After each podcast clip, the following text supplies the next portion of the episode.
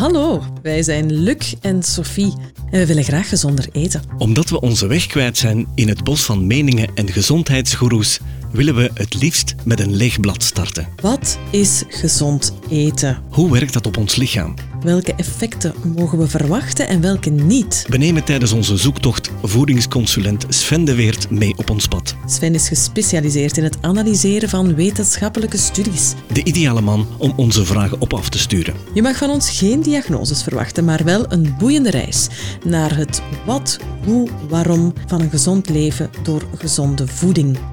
Welkom bij Beetweters. Hallo Nathalie. Dag Nathalie. U spreekt met Sophie, Luc en Sven van Beetweters. Goedenavond. We hebben van jou een messengerberichtje gekregen met een hele specifieke vraag. Zou jij ons die vraag nog eens even kunnen toelichten, alstublieft? Um, nu, ik ben een tijdje uh, geleden begonnen met uh, intermittent fasten. Uh -huh. Dus ik eet tot 19 uur en ik eet pas terug om 10, 11 uur. -huh. Um, en dan ja, ga ik eigenlijk heel erg inzetten op heel veel groenten. Uh, let ook erop dat ik de juiste olies en vetten, allee, een beetje alles wat in jullie podcast eigenlijk terugkomt. Uh -huh. uh, ook uh, vette vis en kip en al die zaken. En dan kwam ik ja, eigenlijk in een, in een ja, hormonale disbalans terecht, die zich uit in tussentijdse bloedingen.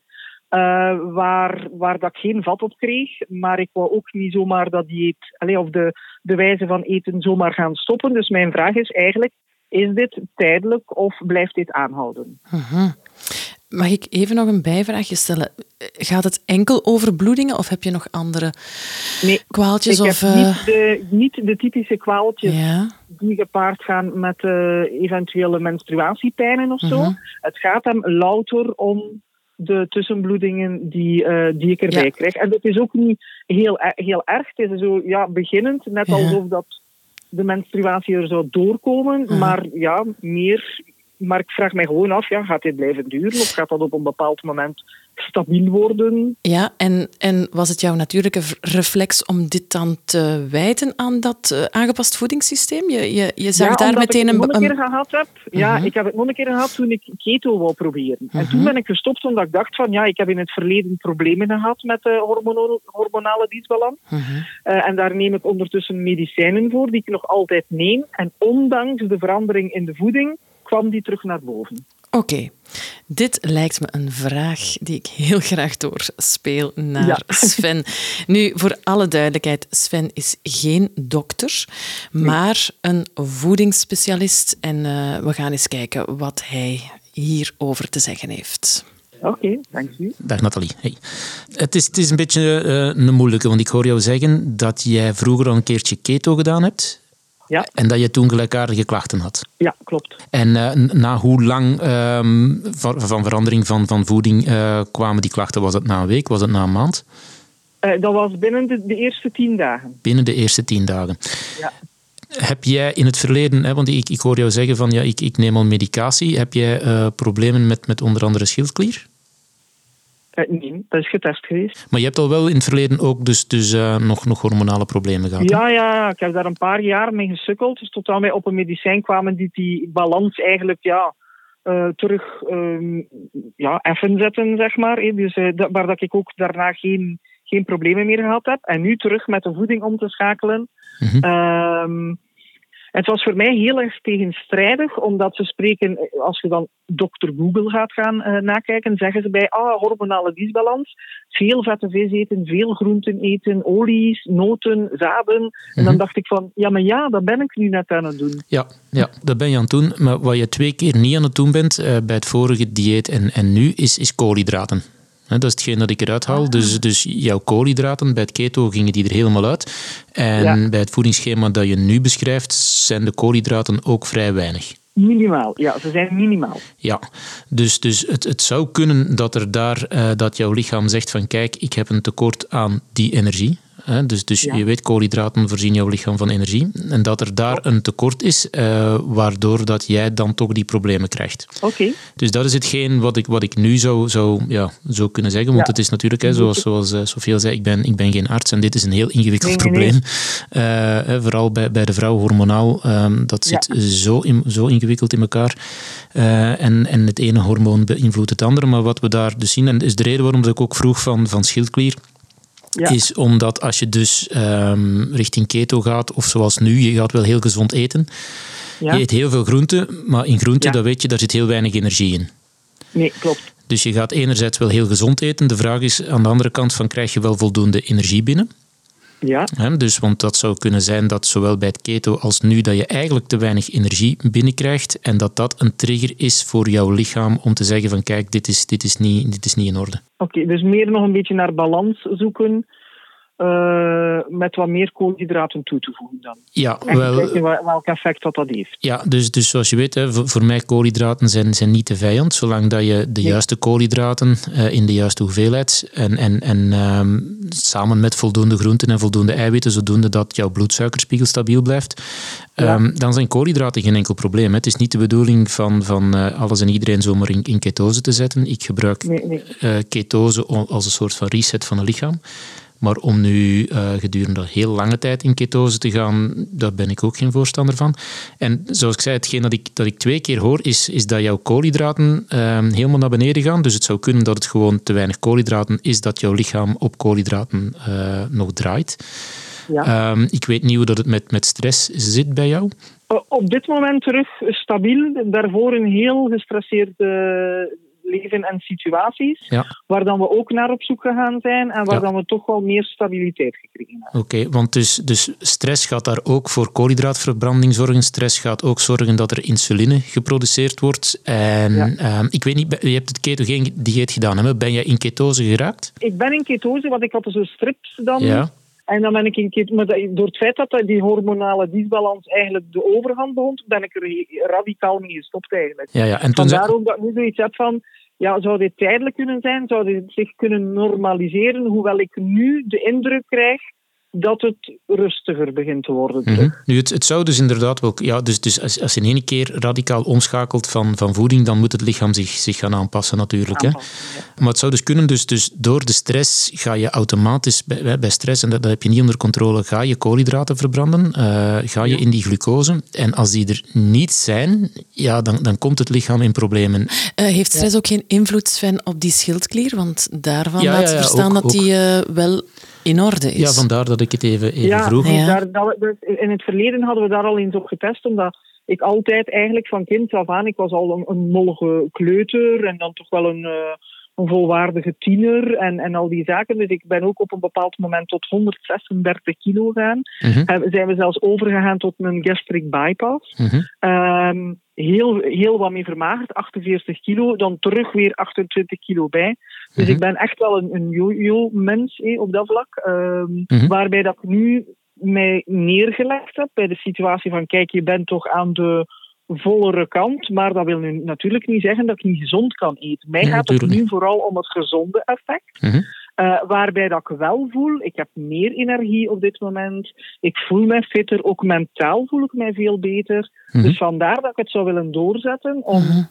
minst nog van de kilo's, hè, mm -hmm. maar vooral omwille van het fijne gevoel en, het, en het, uh, dat, dat mijn lichaam ook wel tot rust komt, precies. Okay. Ik voel mij nu terug meer uitgeslapen en ja. ik heb weer meer energie. En, en ja, ik heb ook geen cravings meer, al drie weken. Ja. Um, dus uh, ja, Wauw, goede formule. Ik meer te luisteren naar mijn lichaam, want vorige week had ik al zoiets van, mm, ik heb precies honger s'avonds. Na zeven eet ik niet meer. En dan dacht ik van, ja, honger, ben je wel zeker dat dit honger is? Uh -huh. En dan um, ben ik het, heb ik het eigenlijk laten passeren door gewoon een, een tas thee te drinken. Uh, en s'morgens stond ik op en ik had geen honger. Dus ik had van, ja, als je s'avonds dat hongergevoel, hm. was eigenlijk precies toch geen hongergevoel, maar eerder de gedachte van, ik zou wel iets willen knabbelen, denk ik dan. Ja. Um, en dat ik daar nu terug begin meer op in te zetten, om daar echt naar te luisteren, van wat is er nu juist aan de hand? Ja, dat is inderdaad een groot, hè, want er is een, een, een verschil tussen, tussen honger en, en, en ja. zin, hè, goesting, eh, zoals we ja. zeggen. Uh, als je honger hebt, moet je wel eten. Hè? Dus, want honger is een signaal van het lichaam van kijk, ik heb, ik heb energie nodig. En, en je uithongeren is nooit geen, uh, geen goed idee, want dan kan je dus inderdaad ook wel hormonale problemen krijgen. Hè? Dus, dus daarom dat ik zeg van ja, kijk, als jouw lichaam aangeeft van ik heb meer energie nodig, dan moet je het lichaam ook wel energie geven. Want morgen sta ik op en ik heb dus nooit honger eigenlijk. Hè? Mm -hmm. Dus uh, ik sta op, ik, ik, heb, ik, drink wel een bullet koffie s'morgens. Dus ja. een, een, koffie met in dit geval roomboter en kokosvet in. Ja, ja. Uh, wat ik super lekker vind. Dus daar moet, allee, dat is niet om mij te plagen, maar gewoon omdat ik het uh, super lekker vind. En ik drink half allee, zo lauw warme water. En dat is eigenlijk een beetje op uh, hetgeen dat Sophie en Luc dan uh, aangaven. Wat, uh -huh. dat ik echt wel voel als een weldaad ja, voor mijn uh, lichaam. Heerlijk. En ik moet zeggen, s'morgens dat is zo echt nu mijn eerste stappen -huh. om, um, om te zetten. En eigenlijk heb ik geen honger tot 10, 11. Dus vanaf 10 begin ik eigenlijk te eten. Maar als ik geen honger heb, eet ik ook niet om 10. Dan eet ik even goed om half 11. Want dat is teken dat die intermittent fasten voor u eigenlijk ook wel goed gaat, hè?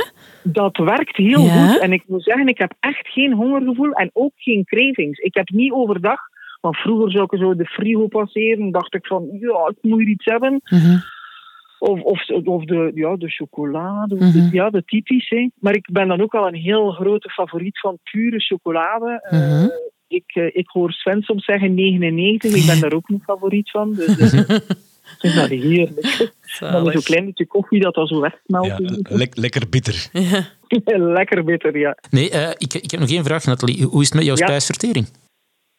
Zeer goed. Zeer goed? Ik, uh, ja, want ik moest na mijn gastric bypass, die is ondertussen zes jaar geleden, moest ik eigenlijk um, maagbeschermers nemen. Mm -hmm. En ik neem ook geen maagbeschermers op dit moment. En in het begin heb ik wel eens een beetje met de spijsvertering wat lastig gehad rond de darmen. Dat ik dacht van, poeh, wat is dat hier allemaal? Mm -hmm. En dat is nu al in een achttal dagen heel stabiel. Mm -hmm. Eigenlijk nog nooit zo stabiel geweest sinds een x aantal jaren. Ja, oké. Okay. Dat is allemaal dus positief, hè? Ja. Ja. ja. Het is alleen de vraag, ja, is dat nu tijdelijk? Gaat dat weggaan? Gaat dat... Ja, maar ja, ik ga eerst proberen met een klein beetje koolhydraten al toe te voegen. Hè. Ja, ik zou, ik zou dat doen, want ik kan, ik kan er anders niet echt een antwoord op geven. Maar zo, ja, hetgeen dat we hier kunnen uithalen uit dit hey, kort gesprek is van dat er ja. twee keer dat je koolhydraten uh, heel hard geminderd hebt en dat er twee ja. keer deze problemen kwamen. Dus ik zou koolhydraten voor jou toch wel uh, op het menu zetten. Ja. Um, en, en, luister naar je lichaam. Hè. Als je honger hebt, uh, eten de juiste koolhydraten op het juiste moment en dan eens een keertje kijken wat het geeft. Hè. Ja, en als je een boost krijgt in de aantal podcastluisteraars, ik denk dat mijn collega's bijna zot worden van het aantal keer dat ik vernoem, daar moet je echt naar luisteren.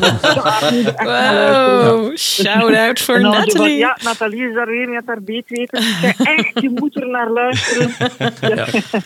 Oké, okay. een wandelend promobord voor ons. Heel, heel essentiële, basic dingen gaan waar dan we eigenlijk niet weer stilstaan. Hè. Dus, hmm. Ja, dank, ja, dank dat u wel. Uh, eigenlijk waar ik naar op zoek was. Dus, uh, ja, bedankt voor het compliment. Ik wil daar zelfs nog iets aan toevoegen, Nathalie, want ik zit hier ja. als man bij en ik heb op die 10 minuten tijd helemaal niks gezegd, omdat het voor mij wereldvreemd is. Het was eigenlijk ja. de eerste keer in die meer dan 40 afleveringen dat we hoorden dat een aangepast voedingsschema een dame uit disbalans brengt. Dus ik vraag nu aan Sven, heb je dat nogal eens tegengekomen? Hoor je dat vaker? Want voor mij was dit heel nieuw. Uh, hormonale problemen bij, bij, bij dames komen heel veel voor. Ja. En, en uh, zoals ik zei, dat is een heel ingewikkeld iets. Um, en dat laat ik aan de dokter over waar ik, waar ik bij werk. Ja, ja. Uh, omdat dat, en, en zoals ik al zei, van schildklier zit er heel vaak bij, maar dat is, dat is een, een, een cascade van. En als je aan het ene iets doet, dan, dan volgt al de rest.